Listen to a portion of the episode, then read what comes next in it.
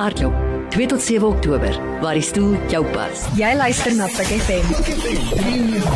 Meer as net radio. Meer as net radio. 2011. 2011. Don't, don't tell my age. But Yeah, 2011. yeah, I was still in school. No, no offense.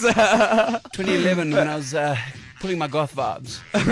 yeah. Did you do the whole eyeliner thing? Eyeliner, guyliner. That's, yeah, yeah, yeah, yeah. Guyliner. Just ma- yeah, politically correct. it, was, Um, it, was, it was the year of the mullet.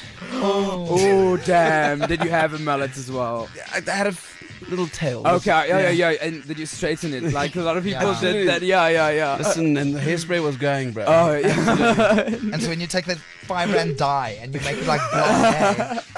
yeah. At least it's appropriate for the time. So Yeah. don't you feel bad? Don't feel too bad about it. And it's a time when you get sponsored by an oil company because your hair is just horrible.